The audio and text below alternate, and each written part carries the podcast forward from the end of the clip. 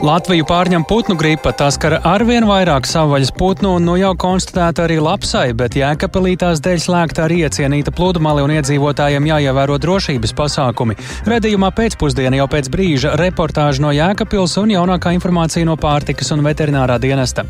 LGBT kopiena cer, ka līdz ar jaunievēlētā prezidenta Rinkēviča stāšanos amatā no sastinguma izkustēsies arī vienzimumu partneru tiesisko attiecību regulējumu jautājums. Tomēr sabiedrības pētnieki šaubās par strauju straujām izmaiņām. Radījumā situāciju skaidrosim plašāk. Valsts, kuras labklājības pamats ir inovācijas un jaunrada, tādu turpmāk veidos Latvijas tēlu pasaulē. Arī par to visu plašāk to daļu ziņu radījumā pēcpusdiena kopā ar mani Tāliju Eipuru.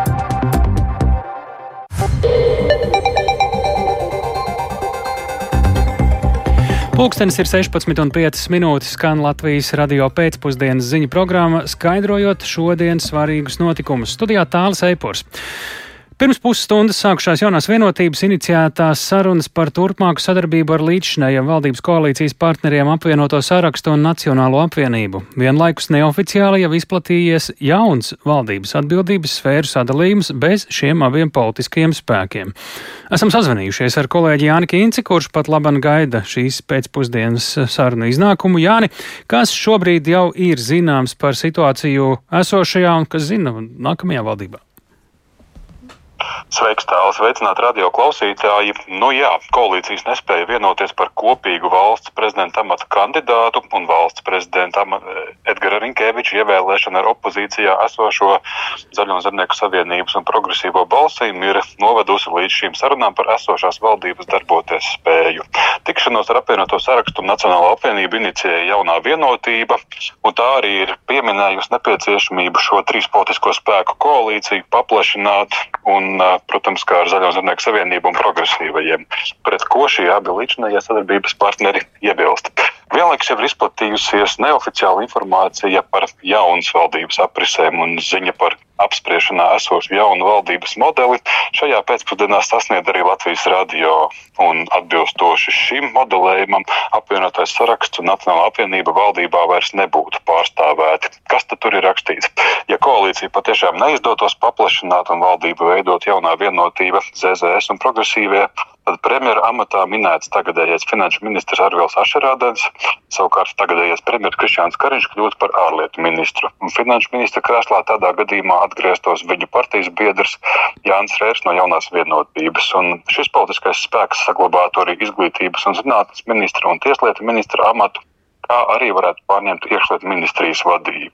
Savukārt ZZS pārziņā nonākt Labklājības ministrija, ekonomikas ministrija, vides aizsardzības un reģionālās attīstības ministrija un zemkopības ministrija. Savukārt progresīvajiem varētu uzticēt aizsardzības, satiksmes un kultūras ministrijas. Jāpiebilst, ka šajā uzskaitījumā pašlaik trūkst veselības ministrijas, kas, kā zināms, ir lielākais rūpju bērns arī tagadējā, teiksim, līdzinējā tagadējā valdībā. Tomēr šī informācija, ko tikko izklāstīju, vēl pagaidām būtu uztverama ar piesardzību. Taču savā ziņā norāda uz reālu gatavību strādāt koalīcijā ļoti, ļoti minimāli 52 balsu pārsvaru.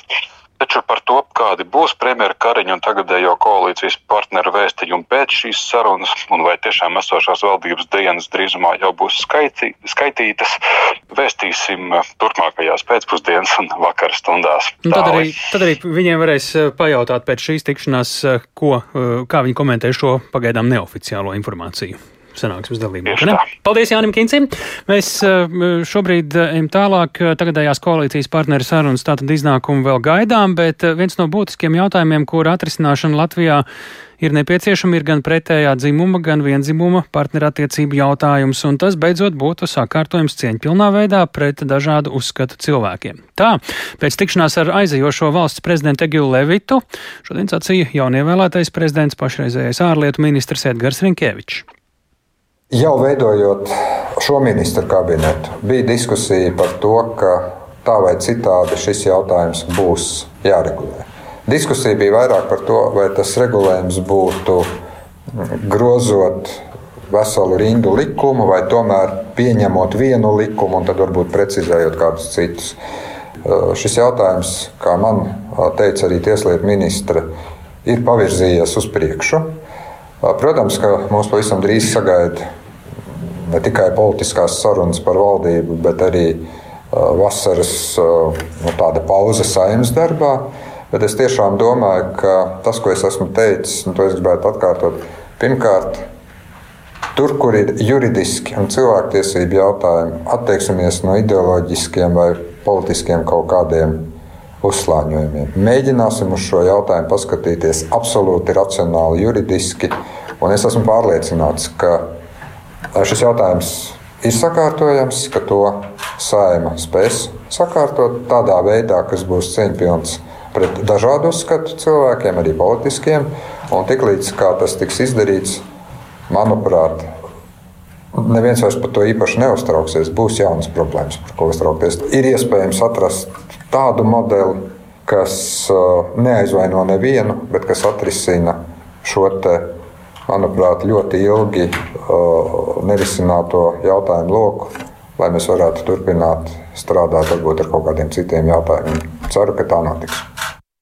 Līdz ar jaunievēlētā valsts prezidenta Edgara Rinkēviča atbalsta apliecinājumu cilvēktiesībām un demokrātijai kā vērtībām, ir cerības, ka no sastinguma punkta varētu izkustēties gan vienzimumu partneru tiesisko attiecību regulējumu jautājums, gan arī Stambulas konvencijas ratifikācija. Taču par to, vai politiķu un sabiedrības attieksmē pret LGBT kopienu un tai aktuālajiem jautājumiem jau notikušas vai tuvākajā laikā varētu notikt straujas izmaiņas eh, pozitīvā virzienā, gan jāšaubas. Tā eksperti ir izteikušies sarunā ar kolēģi Zanēniņu. Zane pie mums studijā.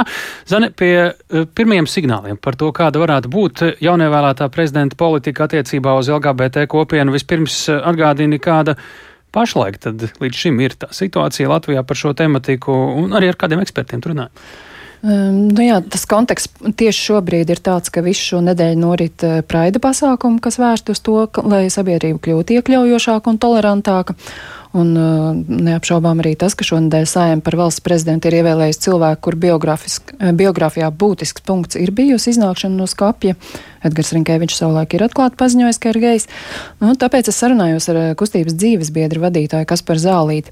Un atbildot uz jautājumu, ko tu jau pieminēji par to, vai varētu būt kāds pātrinājums kustībai ilgstoši iestrēgušajam jautājumam par vienzimumu partneru attiecību tiesisko regulējumu.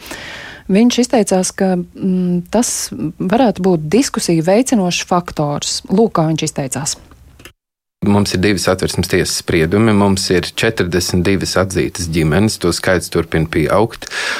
Mums jau ir trīs Eiropas cilvēktiesību tiesas spriedumi, kas arī nosaka to, ka arī Latvija ir pozitīvs pienākums atzīt vienzimumu ģimenes. Es domāju, daļa no demokrātijas un cilvēktiesībām ir tiesiskums. Un, tā kā prezidents, jaunais prezidents jau ir teicis, ka viņš to virzīs un arī veicinās šo sabiedrības diskusiju šajā virzienā, ko esošais prezidents, diemžēl, šo četru gadu laikā nav darījis. Um, Praida nedēļas kontekstā ar Kasparu Zālīti runājām arī uh, par attieksmi pret LGBT kopienas pārstāvjiem un par naida uzbrukumiem. Viņš pastāstīja, ka katrs gadījums, kad kāds sabiedrībā pazīstams cilvēks atklāti stāsta, ka ir cietis šādos uzbrukumos, veicina izpratni un apzināšanos, ka šādi motivēta agresija nav attaisnojama. Un tas, mm, to var salīdzināt ar gadījumiem par vardarbību ģimenē, jo vairāk par šādiem gadījumiem runā, jo vairāk upuri apzinās, ka atrodas nenormālā situācijā, kas jārisina, tā teica Kaspars Zālīts. Paldies tiem sabiedrībā zināmiem cilvēkiem, kas par šo jautājumu runā, jo tas mums ir atvērs, diemžēl, to Pandoras lādi, kur mums cilvēki sāk ziņot, ka ar viņiem arī ir tas noticis. Ja mēs skatāmies tos pašus trīs gadus atpakaļ, piemēram, tad tā bija absolūti latenta problēma. Mēs par to uzzinājām cauri, cauri, vai kāds mums piezvanīja, pajautāja, ko man tagad darīt. Jā, tā tad eh, runāt, protams, par šo ir viena lieta, svarīga lieta, bet eh, tā pašā laikā, eh, kā ir ar šo problēmu reāli risināšana, ir kādi fakti, dati par to, kā policija reāli soks ar šādu pret LGBT kopienu un tās pārstāvjiem vērstu naidu uzbrukumu izmeklēšanu. Jā, šādus datus policijai palūdzu, un 2021. un 2022. gadā valsts policijā ir uzsākti 11 krimināla procesi, kas kvalificēti pēc krimināla likuma 150. panta un tas ir par sociālā naida un nesaticības izraisīšanu. Taču, kā norāda policija, šajos krimināla procesos noziedzīgs nodarījums neobligāti ir bijis vērsts eh, pret konkrētas kopienas, piemēram, pret LGBT pārstāvi, bet pret jebkuru cilvēku. Eh, un gandrīz visos šajos gadījumos noziedzīgais nodarījums ir izdarīts interneta vidē. Jā, tā tad 11 krimināla procesi divos gados. Nevar saprast, vai mums tā situācija ir tik mierīga, vai arī tā atklāšana un aktivitāte no policijas puses ir tik maza. Nu, varētu teikt, ka tie 11 krimināla procesi divos gados nav daudz, ja ņem vērā, ka šogad neilgā laika periodā, divos mēnešos, Par šādu veidu uzbrukumiem jau ierosināti divi krimināli procesi. Kas par Zālīts pastāstīja, ka policijā ir arī konkrēta kontaktpersona, pie kuras var vērsties gadījumos, kad agresija, fiziska vai vārdiska, ir vērsta tieši pret LGBT kopienas cilvēkiem. Tā ka varot teikt, ka policijas attieksme un izpratne uzlabojas. Tomēr um, divi šādi krimināli procesi Rīgā pret, teiksim, simt līdzīgiem Stokholmā neliecina, ka Rīga kopienai būtu sevišķi draudzīga un droša, bet Stokholma īpaši nedraudzīga un nedroša tieši otrādi. Naids eh, pret šo sabiedrības grupu joprojām pastāv, tajā balstīti noziegumi tiek pastrādāti, bet to nonākšana atklātībā, izmeklēšana un vainīgo sodi, sodīšana tikai tagad sāk uh, kaut cik progresēt. Tad kas tad īsti šobrīd ir secināms par to, kāda ir sabiedrības attieksme uh, un tās maiņa attiecībā pret homoseksuāliem cilvēkiem. Par to var runāt vai ne īpaši pagaidām? Nu, pārmaiņas notiek, bet ļoti gausi, jo gadu desmitiem par šiem tematiem pie mums vispār nerunāja. Mm, bet pēcpadomju laikā mūsu kultūra telpā vairāk vadīja valdīja un, un arī joprojām valda postpadomju valstīm raksturīgs virziens, mm, kurā drīzāk dominē šī agresīvā nostāja. Un par to es savukārt sarunājos ar sociālo antropoloģu Aivitu Putniņu. Un tas ir arī viens no iemesliem, kāpēc, kāpēc runāt par homoseksualitāti un vispār par seksualitāti mūsu sabiedrībā nav vienkārši. Un, nu, arī es uzdodot par to jautājumu, es minstinos un, un man ir tā kā nērti. Un lūk, kā to komentēja Aivita Putniņa tas nav pār šiem citādajiem cilvēkiem, bet tas ir jautājums par mums pašiem. Nu, mēs runājam par to caur saviem priekšstatiem un caur savu pieredzi. Mēs runājam par sevi. Jā, tas tā filozofiski, bet vai tomēr šādas attieksmes pārmaiņas nav, vai varbūt ir vērojams politiķu vidū. Gal galā uh, Rinkēviču par prezidentu ievēlēja arī ZZS, kur savos uzskatos līdz šim ir bijusi pietiekami konservatīva. Šo jautājumu uzdeva arī Evitai Putniņai. Viņa uzskata, ka politiskam balsojumam nav nekāda sakara ar attieksmes maiņu, un politikā valda citi likumi. Un viņa arī atzīmē, ka ļoti diplomātiski par LGBT problēmu jautājumiem ir izteicies, izteicies arī pats Edgars Rinkēvičs. Paklausīsimies, ko sociāla antropoloģija bija novērojusi. Es domāju, ka šis jautājums, nu, kā tāda sarkana lupata, noteikti ļoti daudziem cilvēkiem karāsies, bet es lielas cerības lieku uz pašu Rinkēviča kunga nostāju, Viņš eh, ļoti profesionāli, un tā bija viņa izvēle, viņš sevi nepozicionē kā LGBTQ eh, interešu aizstāvi. Viņš mēģina nostāties nu, tādās nu, līdzsvarojošās pozīcijās. Un šī pieeja, nu, kas Latvijā līdz šim nav bijusi raksturīga, un, un, un tā ir vairāk tāda rietumnieciska pieeja šo jautājumu. Mums jau liekas, ka, nu, ka visi cilvēki vienādi skatās uz šiem jautājumiem, bet tā nav. Latvijā šis skatījums ir vairāk tuvāks citām postsociālismu valstīm. Tad es redzu, ka Rinkevičs kungs nu, ļoti bezskaislīgi, ļoti profesionāli, un es iedomājos, tas ir ārkārtīgi grūti, tāpēc, ka runā arī nu, viens puses par tavu personisko dzīvi. Aivita Putniņa akcentēja, ka jaunievēlētais valsts prezidents nerunāja tieši par LGBT jautājumiem, bet gan par cilvēktiesībām un tiesiskumu kopumā, jo tas ir svarīgi visiem cilvēkiem. Tāpēc viņa izteica cerību, ka šī neitrālā nostāja varētu būt abas nosacītās pretējās nometnes vienojošs aspekts. Tā sociālā antropoloģija un tā arī Zana Eniņa. Paldies, Zana, tev par šo apkopojumu. Mēs turpinām raidījumu pēcpusdienu. Latvija ir valsts, kuras labklājības pamats ir inovācijas un jaunrade. Šāds vēstījums turpmāk būs vienotā Latvijas tēla pamatā. Secinot, ka tēlam ir būtiska nozīme gan valsts atpazīstamības veicināšanai, gan izaugsmai, ir radīta jauna stratēģija, un ar to plašāk šodien iepazīstināja Latvijas Investīciju un attīstības aģentūra. Vairāk Santas Ādamsons ierakstā. Lai veidotu vienotu un pamanītu valsts tēlu, ir nepieciešams izcelt inovatīvo, radošo un latvisko. Tā par stratēģiju izsakās Latvijas Investīciju un attīstības aģentūras direktors Kaspars Roškans. Mēs gribam, lai šeit, Latvijā, mēs rodam risinājumus, priekš pasaules. Mums ir jau unikāli piemēri, un es zinu, ka nu, Latvija nav kalnainākā zeme pasaulē, bet mēs esam radījuši dronu risinājumu, lai miglotu šos te vīnu laukus. Mums tie stāsti ir daudz, un viņi mums ir jāstāsta, un no viņiem nevajag kautrēties. Jā, ir daudz lietas, ko uzlabot. Un To mēs piekrītam, un mēs ejam, un citiem arī ir ko uzlabot. Un, uh, tas nozīmē, ka mums ir lietas, kur mēs esam milzīgi, milzīgi soli priekšā, un par to ir jāstāsta pasaulē, un nevajag par to kautrēties. Tikmēr par izstrādāto vizuālo identitāti dizaina studijas teika vadītāja Janeta Armina skaidro. Mission Latvija identitātes izvēlētā akcenta krāsa ir zaļā. Tā ir kustības, rīcības, zaļas domāšanas krāsa kas kopā ar neitrālākiem toņiem, kas kopā ar nekur nepazūdošo Latvijas karogu sarkano krāsu, kas kopā ar uzņēmēju portretiem, inovāciju prototipu attēliem apļa formās, ar manis jau pieminētajām grafiskajām zīmēm no punktiem, palīdzēs mums šos komunikācijas vērtos notikumus ietvert kopējā veidolā. Jāatzīmē, ka aģentūra veikusi arī pētījumu, intervējot aptuveni 40 tūkstošu cilvēkus no desmit dažādām valstīm par to, kā uztver Latviju, Secināts, ka tā vairāk saistās ar vēsturi un lokāciju, kā arī dabu, kultūru un turismu. Turpinām ziņu raidījumu pēcpusdienā, bet tagad par valsti, kuras tēls pēdējo gadu laikā nopietni cietis labvēlīgās attieksmes pret Krieviju dēļ. Pēc gada prezidentūra Eiropas Savienībā pārņems Ungāriju, taču jau tagad daļa Eiropas parlamenta deputātu sākuši meklēt eh, un domāt, kā to nepieļaut vai vismaz kā ierobežot Ungārijas ietekmi prezidentūras laikā. Ungārijas siltās attiecības ar Krieviju un dažādi pašmājās pieņemtie likumi ir iemesls, kādēļ daudzām dalību valstīm Ungārijas premjera Viktora Orbāna politika nav tīkama. Plašāk stāsta Rihards Plūme. Ik pēc sešiem mēnešiem Eiropas Savienības prezidentūru pārņem jauna valsts. Tas dod zināmas iespējas ietekmēt plašākas politikas veidošanu visā Eiropas Savienībā.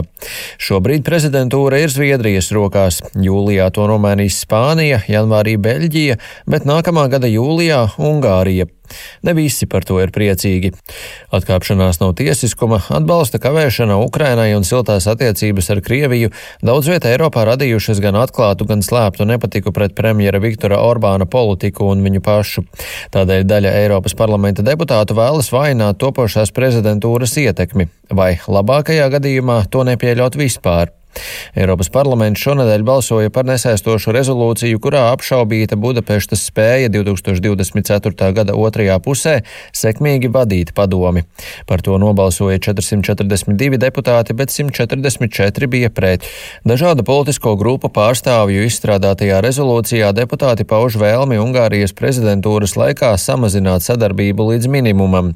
Rezolūcijā deputāti aicina padomi rast pareizu risinājumu šai problēmai, pretējā gadījumā gadījumā parlaments veikšot atbilstošus pasākumus. To, kādēļ Ungārijai nevajadzētu pildīt prezidējošās valsts pienākumus, skaidroja Francijas zaļo deputāte Gwendolīna Delbo Korfilda.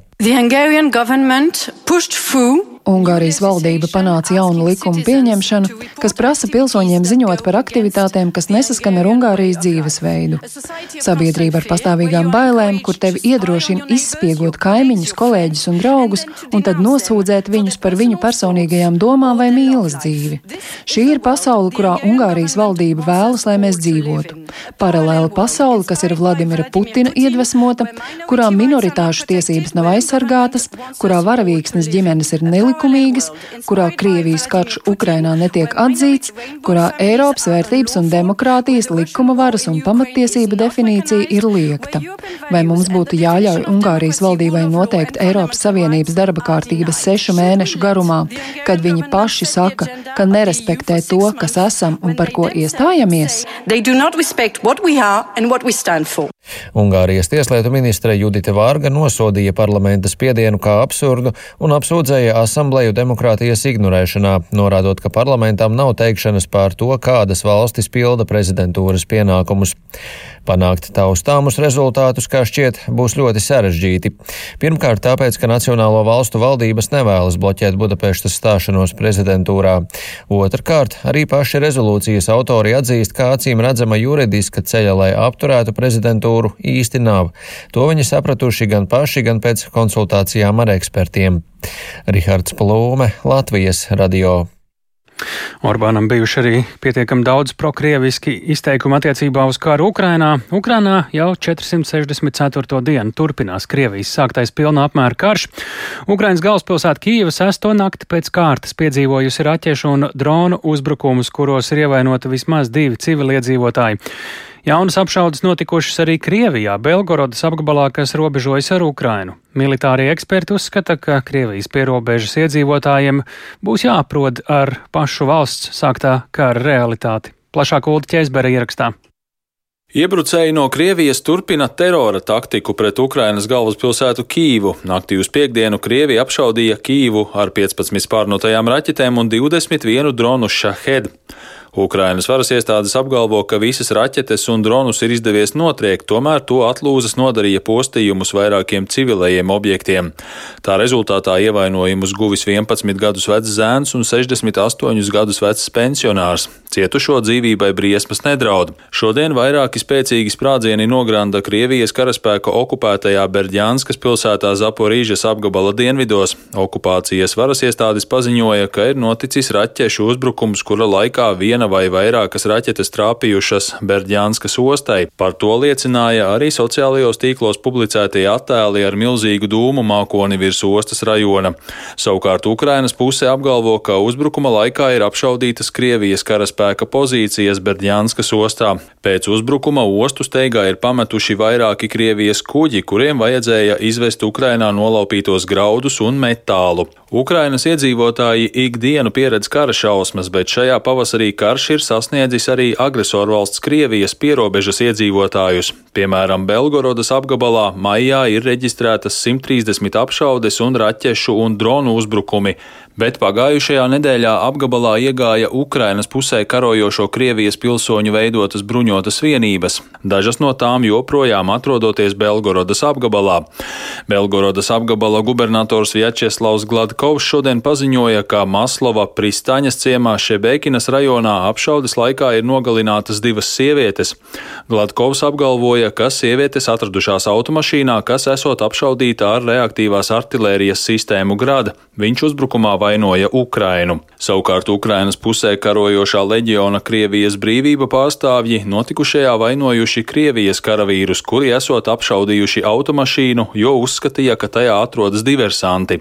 Krievijas brīvība arī apgalvo, ka Krievijas armija īpaši nerēķinoties ar civiliedzīvotājiem un ar artilēriju apšaudot apdzīvotās vietas, kurās ir manīta leģiona Krievijas brīvība un arī Krievu brīvprātīgo korpusa kaujinieku pārvietošanās. Krievu brīvprātīgo korpus vakar paziņoja par otro fāzi uzbrukumam Krievijas teritorijā, bet šodien savos sociālajos tīklos publicēja vairākus video, kuros it kā esot redzami kaujinieku reidi Novaja Tovalžankas ciemā Belgorodas apgabalā. Militārais eksperts Valērijas Irjābīgs uzskata, ka notikumi Belgorodas apgabalā apliecina Krievijas armijas un drošības iestāžu nespēju aizsargāt savas robežas и население приграничных э, областей Российской Federācija. Krievijas pierobežas rajona iedzīvotāji un varas iestādes aplami domāja, ka karš, ko uzsāka Putina režīms, ir tikai bildītas televizorā. Bet sanāca tā, ka karš ieradās pie viņiem. Tās ir sekas rīcībai, kad viss tiek likts uz jaunu teritoriju sagrābšanu, nevis savu teritoriju aizsargāšanu un kārtības ieviešanu tajās. Bruņoties spēki, kuriem vispirms būtu jāaizsargā Krievijas teritorija, nodarbojas ar Ukrainas civiliedzīvotāju slepkavībām un neattaisnotas agresijas kara izvēršanu, ko saskaņā ar starptautiskajiem likumiem klasificē kā kara noziegumu. Jo šo bruņoto vienību reidi Krievijas pierobežas rajonos nostāda Krievijas bruņotos spēkus grūtas izvēles priekšā - nostiprināt aizsardzības pozīcijas savas valsts teritorijā vai okupētajās teritorijās Ukrainā. Uldis Česberis, Latvijas radio. Jaunu un nopietnu izaicinājumu piedzīvo Jēkabpils. Iedzīvotāji iemīļotā, labi, labiekārtotā atpūtas vieta Rāģu ūdenskrātuve kļuvusi par putnu gripas perēkli, tāpēc peldēties tur nedrīkst. No Jēkabpils Skirmantes Balčūtas reportāža. Es atrodos pie radžu ūdenskrātuves, jeb vienkārši pie karjera, kā to sauc vietējie iedzīvotāji. Šī ir ļoti iecienīta atpūtas vieta, un tai pat ir piešķirts zilais karoks, kuru gan šo sezonu vēl nav izdevies pacelt, jo peldēties šeit aizliegts. Vairākās vietās ir izvietoti brīdinājumi par to, ka peldēties šeit aizliegts un nedrīkst aiztikt beigtus putnus. Neskatoties uz to, Māreks bezbailīgi kopā ar meitiņu baro putnus. Nezinu, es viņam kā nedaros klāt. Nu, vai cilvēkam var skādēt kaut ko? Es nezinu. Neskaramies, mēs arī nevaram pieskarties. Drošības pasākumus ieviesa Jēkabpils novada pašvaldības civilās aizsardzības komisija, konsultējoties ar pārtikas un veterināro dienestu un slimību profilakses un kontroles centru. Lūk, ko par tiem domā vietējie iedzīvotāji. Bija pierasts, ka te var sauļoties, var peldēties, atpūsties, un šobrīd tas zilais karoks arī nav augšā pacelt. Un tā kā traki, ja nav piemēram transporta vai tā paša riteņa, un tu esi pieredzis tepat tās pārvietoties, aiziet no nopeldēties. Nu, diezgan traki ir. Mhm. Diezgan nepatīkami situācija. Un, kad viņa vēl uzlabosies vai vispār uzlabosies, tas arī īsti nav zināms. Deviņus gadus nebija Latvijā. Es gribu peldēties jau sen. Nebiju peldējis, es nezinu, nezinu, ko sākt. Par šo situāciju neko nezinu. Staigāju kā vienmēr ar suniem. Visu. Bet te taču ir tās brīdinājuma zīmes, ka piepeldēties aizliegts un beigtus putnus neaiztikt. Nu jā, blakus ūdenim nedrīkst, bet tā apkārt var. Nu, man nebaidās. Nu, vēl beigtu putnu neesmu redzējis. Pagaidām. Pašvaldības policija brīdina iedzīvotājus par piesardzības pasākumiem, daži uzklausa, citi tomēr iet peldēties. Sodus par to nepiemēro. Brīdinājumiem esot rekomendējošais raksturs, stāsta Jēkabils novada pašvaldības attīstības pārvaldes vadītājs Ilmārs Luksts. Tātad katru dienu tiek šī teritorija apsekota. Ja tiek konstatēti beigtie putni, tie tiek arī savākti un utilizēti. Lielākā putnu koncentrācija šeit Jēkabīlī ražu ūdenskrātuvē ir tieši uz salas. Un uz to salu mūsu darbinieki nedodas, lai neprovocētu putnu lielāku tādu tā kā, pārlidojumu uz citām vietām, lai to infekciju nenestu, neinficētu citus putnus. Un iespējams, tā lielākā daļa beigto putnu tieši uz tās salas arī ir. Divu nedēļu laikā Rāģu ūdenskrātuvē tika atrasti 12 beigti putni. Nākamnedēļ Jēkabpils novada pašvaldības civilās aizsardzības komisija plāno šo jautājumu apspriest atkal. Šī lieta mums ir jauna, iepriekš mēs ar tādu neesam saskārušies. Tās prognozes ir dažādas.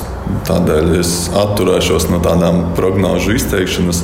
Cerams, ka nākamās analīzes neuzrādīs mums putnu gripu, un tad, tad momentāli būs lēmums par zilā karoga pludmales eh, atklāšanu un polizonas atklāšanu. Skirmanta Baļķūte, Latvijas radio. Pirmo reizi Latvijā putnu gripa konstatēta arī mirušai lapsai Daugaupils pusē. Jauni gadījumi putnu gripas izraisīti putnu nāvis gadījumi tātad konstatēti Saldus novadā pie Liepājas ezera, pie Lubāna ezera, Talsos, Rojā, Ventspilī, Ērgļos, Pļaviņās. Līdz tam putnu gripa bija arī konstatēta tad jau pieminētajā Jēkapilī, Krāslavā, Veselavā, Lapmešu ciemā, Salaspilī kopumā no 158 izmeklētiem savvaļas putnu paraugiem 63 apstiprināta putnu gripa. Šie ir līdz šim zināmie fakti, bet bet kāds eh, tiem būtu vērtējums un situācijai kopumā? Pārtiks un veterinārā dienas dzīvnieku infekcijas slimību uzraudzības daļas vadītājs Mārtiņš Seržants pie raidījuma pēcpusdiena klausulas. Labdien! Labdien! Kā jūs klausītāji ausī, ausīm iztulkot šos skaitļus, jums varbūt pat jau tie ir vēl jaunākie, kāda ir situācija? Tā ir totāla ārkārtas situācija, vai arī nekas briesmīgs nav noticis, vai kā? Uh, nu, jāsaka tā, ka tā ir līdz šim nebijusi Latvijā situācija. Tāda um, savvaļas putnu, uh, putnu gripas izplatība savvaļas putnu populācijā. Tas, tas ir viens, uh, kas būtu jāpiemina. Nu, un, uh, skaidrs, tas, ka mums šobrīd ir uh, visaktuālākais, uh, skartā suga, visaktuālākā ir šis lielo ķīru. Uh, lielo ķīru kolonijās ir skarts, un, ja mēs skatāmies uz kartes, tad faktiski visa Latvijas karte ir tāda nu, nosekta ar šo, šo, šo, šo uh, teiksim, inficētajiem ķīriem, ja tā var teikt. Jo pēc ornitologa teikt, tā ir tādas stabilas aptuveni 70 kolonijas. Latvijā likstošanas vietas šīm kolonijām, nu tad nu, šobrīd šķiet, ka teju pusi, ja ne vairāk, viņas būtu skartas. Jā, jo, kas arī būtu jāņem vērā, ka kolonija, ka tie ķīri būtībā pārlido barības meklējumos aptuveni 30 un varbūt pat vairāk kilometrus attālumā. Tas nozīmē to, ka, ka tiešām tāda jā, tas risks faktiski augsts patogēnai putnu gripai šobrīd Latvijā, visā Latvijā. Um, tas nav nekas īpašs priekš teiksim, tādām mūsu reģionam, jo līdzīga situācija ir arī Lietuvā un arī faktiski Polijā. Par ko šobrīd ir vislielākās bažas? Lielākās bažas, protams, mums ir par mājputniem, jo līdz šim, tā kā es minēju, tā tāda situācija nekad nav bijusi. Mums arī pirmie putnu gripas gadījumi bija tikai 21. gadā, un, un, un, un pavisam daži 22. gadā gulbiem Rīgas ūdenskrātuvē. Bet, bet, bet tādas izplatības kā līdz šim, kā šobrīd tas tiek konstatēts, tāda vēl nav bijusi. Un tas nozīmē, to, ka faktiski mm, šī problēma varētu skart arī mājputnus. Proti, līdzīgi kā ar Āfrikas cūkumiem, meža cūku populācijā, tad tur, kur ir šis vīrus kaut kur dabā sastopams, tad ir iespējams arī maidzīvniekiem, proti, cūkumērga cūkām, mājas cūkām saslimt un šajā gadījumā mājputniem. Pavi, tas pavisam, ir tas, kas pavisam lielākā, īsi, lielākā. Pavisam īsi vēl. Uh, Putnu kopi, es domāju, ļoti labi apzinās šo problēmu, taču par ko un vai pārējiem iedzīvotājiem būtu jāstraucas un par ko varbūt arī ne?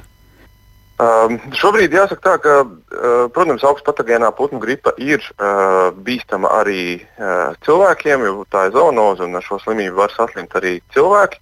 Arī, arī citi zīdītāji to liecina arī šis uh, pagaidām līdz šim vienīgais Latvijā konstatētais uh, lapsas gadījums. Uh, bet nevajadzētu varbūt šo, nu, nevajadzētu noteikti radīt paniku. Uh, protams, jāievēro piesardzība, ja tiek konstatēti veikti putni vai slimi putni, viņus nevajadzētu aiztikt. Uh, un, un, un, vai, to gadījumā dara, to darīt ar aizsardzību līdzekļiem, mazgāt pēc tam rokas. Labi. Mm. Un tā tālāk. Paldies par sarunu Mārtiņš Seržants, PVD pārtiks un veterinārā dienas dzīvnieku infekcijas slimību uzraudzības daļas vadītājs. Ceļo droši, ceļo aizraujoši. Informatīvu kampaņu ar šādu nosaukumu šodien sāk ārlietu ministrija. Kampaņā ceļotājus aicinās pārdomāti sagatavoties tālu valstu apmeklējumam un izvērtēt drošības situāciju gala mērķī, kā arī ņemt vērā tādus vienkāršus padomus. Tuvākajās dienās uh, digitālajā vidē uh, tiks izplatīti seši tematiski vizuāli materiāli, īsts video ar ieteikumiem ceļošanai uz tāliem galamērķiem, un tas viss kopā ar uh, Lidos Rīga, Baltika, Turisma aģentu un operatoru asociāciju un devīzi šai kampaņai, jo tālāk dodies, jo rūpīgāk gatavojies. Konsulārā departamenta, ārlietu ministrijas konsulārā departamenta departamenta direktore Agnēs Saliņa pie raidījuma pēcpusdienu klausos. Labdien! Labdien! Kāpēc šobrīd šāda kampaņa? Uh, jā, patiesi šīs kampaņas nosaukums un devīze nav izvēlēta nejauši, jo, kā liecina ārlietu ministrijas novērojumi, līdz ar pandēmijas radīto ceļošanas ierobežojumu atcelšanu Latvijas valsts piedarīgo interese par ārvalstu ceļojumiem šobrīd ir ļoti augsta. Un, eh, diemžēl nereti tiek izvēlēti arī nedroši gala mērķi un arī ar, ar vien tālāki. Un dažkārt mēdz būt arī situācijas, kad uh, mūsu valsts piedarīgie šādās valstīs nonāk arī nepatikšanās, tiek aizturēti par pārkāpumiem vai pat noziedzīgiem nodarījumiem. Un, kā rezultātā šajās valstīs, kā piemēram pagājušajā gadā mums ir um, nācies risināt uh, konsulāros gadījumus gan Brazīlijā, gan Kolumbijā, Zimbabvē, Gabonā un uh, arī, arī Krievijā un Baltkrievijā, uh, tomēr jāņem vērā, ka šādās valstīs konsulāru atbalstu sniegt ir ļoti sarežģīti. Dažas pamatlietas, uz ko kampaņā aicināsit cilvēkus, pie kā piedomāt, vai ko izdarīt, vai tieši nedarīt pirms doties ceļā?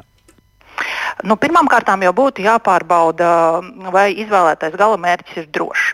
To var izdarīt ar ārlietu ministrijas mājaslapas palīdzību. Sadaļā ceļojuma brīdinājumi ir pieejama aktuālā informācija par ārvalstu ieceļošanas un drošības noteikumiem. Un šeit ir jāatcerās, ka ceļojuma brīdinājumi var skart ne tikai tālas un eksotiskas valstis, bet piemēram arī mūsu kaimiņu valstis, Baltkrieviju un Krieviju, uz kurām ārlietu ministrija joprojām stingri aicina nedoties. Tāpat arī Noteikti ir jāpārbauda saulaicīgi savu un līdzbraucēju ceļošanas dokumentu derīguma termiņi, jo nereti mēs saskaramies ar, ar, ar, ar situācijām un saņemam zvanus no ceļotājiem, kas ir nopirkuši biļetes uz, uz valstīm ārpus Schengens teritorijas, un daži jau pat atrodas lidostā, bet nav ievērojuši pasas derīguma termiņu noteikumus. Tā, Tāpat arī noteikti ir svarīgi vīzas eh, jautājumu pārbaudīt arī saulaicīgi, jo īpaši tālām valstīm nereti nav vēstniecības Latvijā, bet eh, vīzas ir jāsaņem citās valstīs. Un, protams, ārkārtīgi svarīgi ir arī ceļojuma apdrošināšana, kas atbilstu plānotajām aktivitātēm šajā gala mērķa valstī, vai tā būtu niršana, vai kalnā kāpšana, vai, vai citas sportiskas, vai, vai, vai Jā. dažādas citas nodarbes. Kampaņa dažas dienas, kur ikdienā ārpus kampaņas, eh, tātad ārlietu ministrijas mājaslapā šis viss viss ir uh, vienopus? Tieši tā, tas ir pie ceļojuma brīdinājumiem. Plus arī es noteikti aicinātu ceļotājus lejuplādēt mobilo lietotni ceļo droši, jo te ir atrodami ieteikumi ceļotājiem un brīdinājumi par riskiem, kā arī ārlietu ministrijas kontakti saziņai ārkārtējās situācijās, ja nu tomēr nākas tādā nokļūt ārvalstīs esot. Ceļojam droši, tad varbūt sanāks arī aizraujoši. Paldies par sarunu, Agnes Saliņa, konsulārā departamenta direktore. Mēs šobrīd pievēršamies tam, kas aizrāva ļoti daudzus uh, Latvijas iedzīvotājus un turpina visticamāk aizraut. Kopš Latvijas hokeja izlases vēsturiskā panākuma ir pagājusi jau gandrīz nedēļa, taču emocijas uh, visticamāk nerims ne pašos hokeistos, ne treneros, ne līdzjutējos. Nu, un hokeja komandas dalībnieki turpina aktīvi sniegt uh, intervijas mēdījos, citas aktivitātes. Šodien vairāk arī paviesojās tepat Latvijas radio, un vienu no sarunām vadīja kolēģis Mārtiņš Kļavinieks, kurš šobrīd arī pievienojas mums studijā. Sveiks, Mārtiņ! Sveiks, tāls, sveicināti klausītāji! Nu, kā ir tās emocijas? Emocijas jau ir nedaudz kā, varbūt, noplakušas, vai tieši otrādi tagad tikai hokeisti paši rūt sāk noticēt, kas ir noticis, un uh, emocijas joprojām turpina vēlties un uzplakt. Man un kolēģim Mārim Bergam, kas arī vadīja šo sarunu, šodien šķiet, ka nu, paši hokeisti jau ir varbūt tādās emocijās netik vairs spilgt, bet izrādās, ka nē. Studijā viņi apliecināja, ka joprojām tas viss vēl ir dzīvs un, un mutuļo, un uh, izrādās arī viņiem joprojām ir vajadzīgs tas brīdis, lai saprastu, ka tas ir pa īstam, ka tas nav sapnis. Un uh, varbūt arī, jā, varam paklausīties tagad nedaudz, ko šodien eh, Latvijas radio studijā sacīja Rihards Bukārts, Kristiāns Rubīns un Arts Sābols. Nu, es vakar laikam bišku sāku saprast, kas ir noticis. Braucot mašīnā, apraudājos. Es domāju, tur nebija 30 tūkstoši, es domāju, 50 plus tūkstoši cilvēku, un, tas ir kosmos. Vēlreiz kaut ko tādu piedzīvot būs, būs ļoti grūti. Kas pasaka kosmosā, nu neaprakstām sajūtas. Um, Es pēc cik no jaunākiem šeit, es domāju, man paies vēl kāds labs laiks, lai vispār saprastu, kas īstenībā notikās. Es domāju, tur vecumam nav nozīmes. Zin, stāva, kad mēs stāvējām uz tās improvizētās skatuves, tad nu, tur stāv un skaties uz to, kāds atbalsts un kāda tautas mīlestība saprot, ka tu esi savā ziņā izredzētais, ka tas, tas ir wow, un tas ir kosmos, tas ir neaptverams. Pļauju zālmā, es eju pļaušīnā no muguras un pats saku, tu saproti, mēs bronzu dabūjām pasaulē, un tu, tu liekas, tas ar sevi runājam, kāds tur kaut kur cits to saka, un mēs te visi, man liekas, tās medaļas nesējām līdzi ne tāpēc, lai lielītos, bet vienkārši tā atbalsts ir bijis tik milzīgs, ka man nav problēmas tur ņemt patu rokā, nofotografējies. Jā, tālāk ar sābols, nu tā tad noticiet arī jūs, tas viss ir pa īstam. Nu, tas, ko es esmu redzējis, cik ļoti pacietīgi hokeisti ar medaļām fotografējas ar pilnīgi visiem, kuri vēlas, eh, sniedz autogrāfus un liekas, nu tas taču ir, nu, nav viegli, bet te pašā laikā, nu, tā ir arī tā mirkļa izbaudīšana. Kāda tad šobrīd ir tā Latvijas hokeja izlases spēlētāja un personāla ikdiena dažas dienas pēc? Tā, tā arī ir. Tālī varbūt pamanīju šodien arī brīvajā mikrofonā ar eh, ciemos pie Aida Tomsona bija uh, Ralfs Ralfs Freibergs, Latvijas hokeja izlases aizsargs, viņš arī Aidim uzvilka savu formas kreklu, ar ko spēlēja gan Tamperē, gan Rīgā un uzlika kaklā medaļu. Un Aidis it kā teica, nu nē, es to medaļu neesmu izcīnījis, nevajadzētu vilkt kaklā, nu, bet aids, tomēr, jā. jā, Ralfs Freibergs sacīja, nē, tu esi, arī tu esi. Visa Latvija ar savu atbalstu šo medaļu ir izcīnījusi. Tāda ir arī Latvijas hokeja un hokeja federācijas nostāja, ka katram pienāks daļiņa šīs medaļas. Jā, mēs tagad dzirdējām Rihardu Bukārtu ar tābolu. Viņu... Kristiānu Rubīnu arī. Kristīns Rubīns. Tie būs tie trīs cilvēki, ar kuriem tad plašāk saruna. Jā, svētdien, vienos piecās raidījumā piespēle. Tur viss raidījums tikai ar viņiem, gan nedēļas tops, gan arī aizkulisku rubrika, kas lācītim vēderā, viss kopā ar šiem trim kungiem. Vēl kādu odziņu no viņa sarunas? nu, starp citu, interesants fakts, ka Bobs Hārtlīs, bijušais Latvijas hokeja izlases treneris, visiem spēlētājiem, kuri viņa vadībā spēlējuši, eh, atsūtījis tiešām tādas ļoti sirsnīgas īziņas. Nevis visiem vienādu tekstu, katram. bet katram personalizētu no. ar domu un tiešām tādu sirsnīgu, nevis skarbu, kāds bija Hārtlīs un joprojām ir, bet tādu tiešām sirsnīgu. Nu jā, un par šādiem sasniegumiem bieži eh, vienu uzmanības lokā nonāk ne tikai paši sportisti treneri, bet arī radinieki, citi apkārtēji šoreiz arī tā. Šoreiz ir tieši tāpat, jā, un e, jau rītdien 9.15. šeit Latvijas radio viens programmā Labrīt saruna ar Kristiānu Rubīnu māmu. Arī viņa izteiksies, kādas ir viņas emocijas un kā viņa to visu sajūt.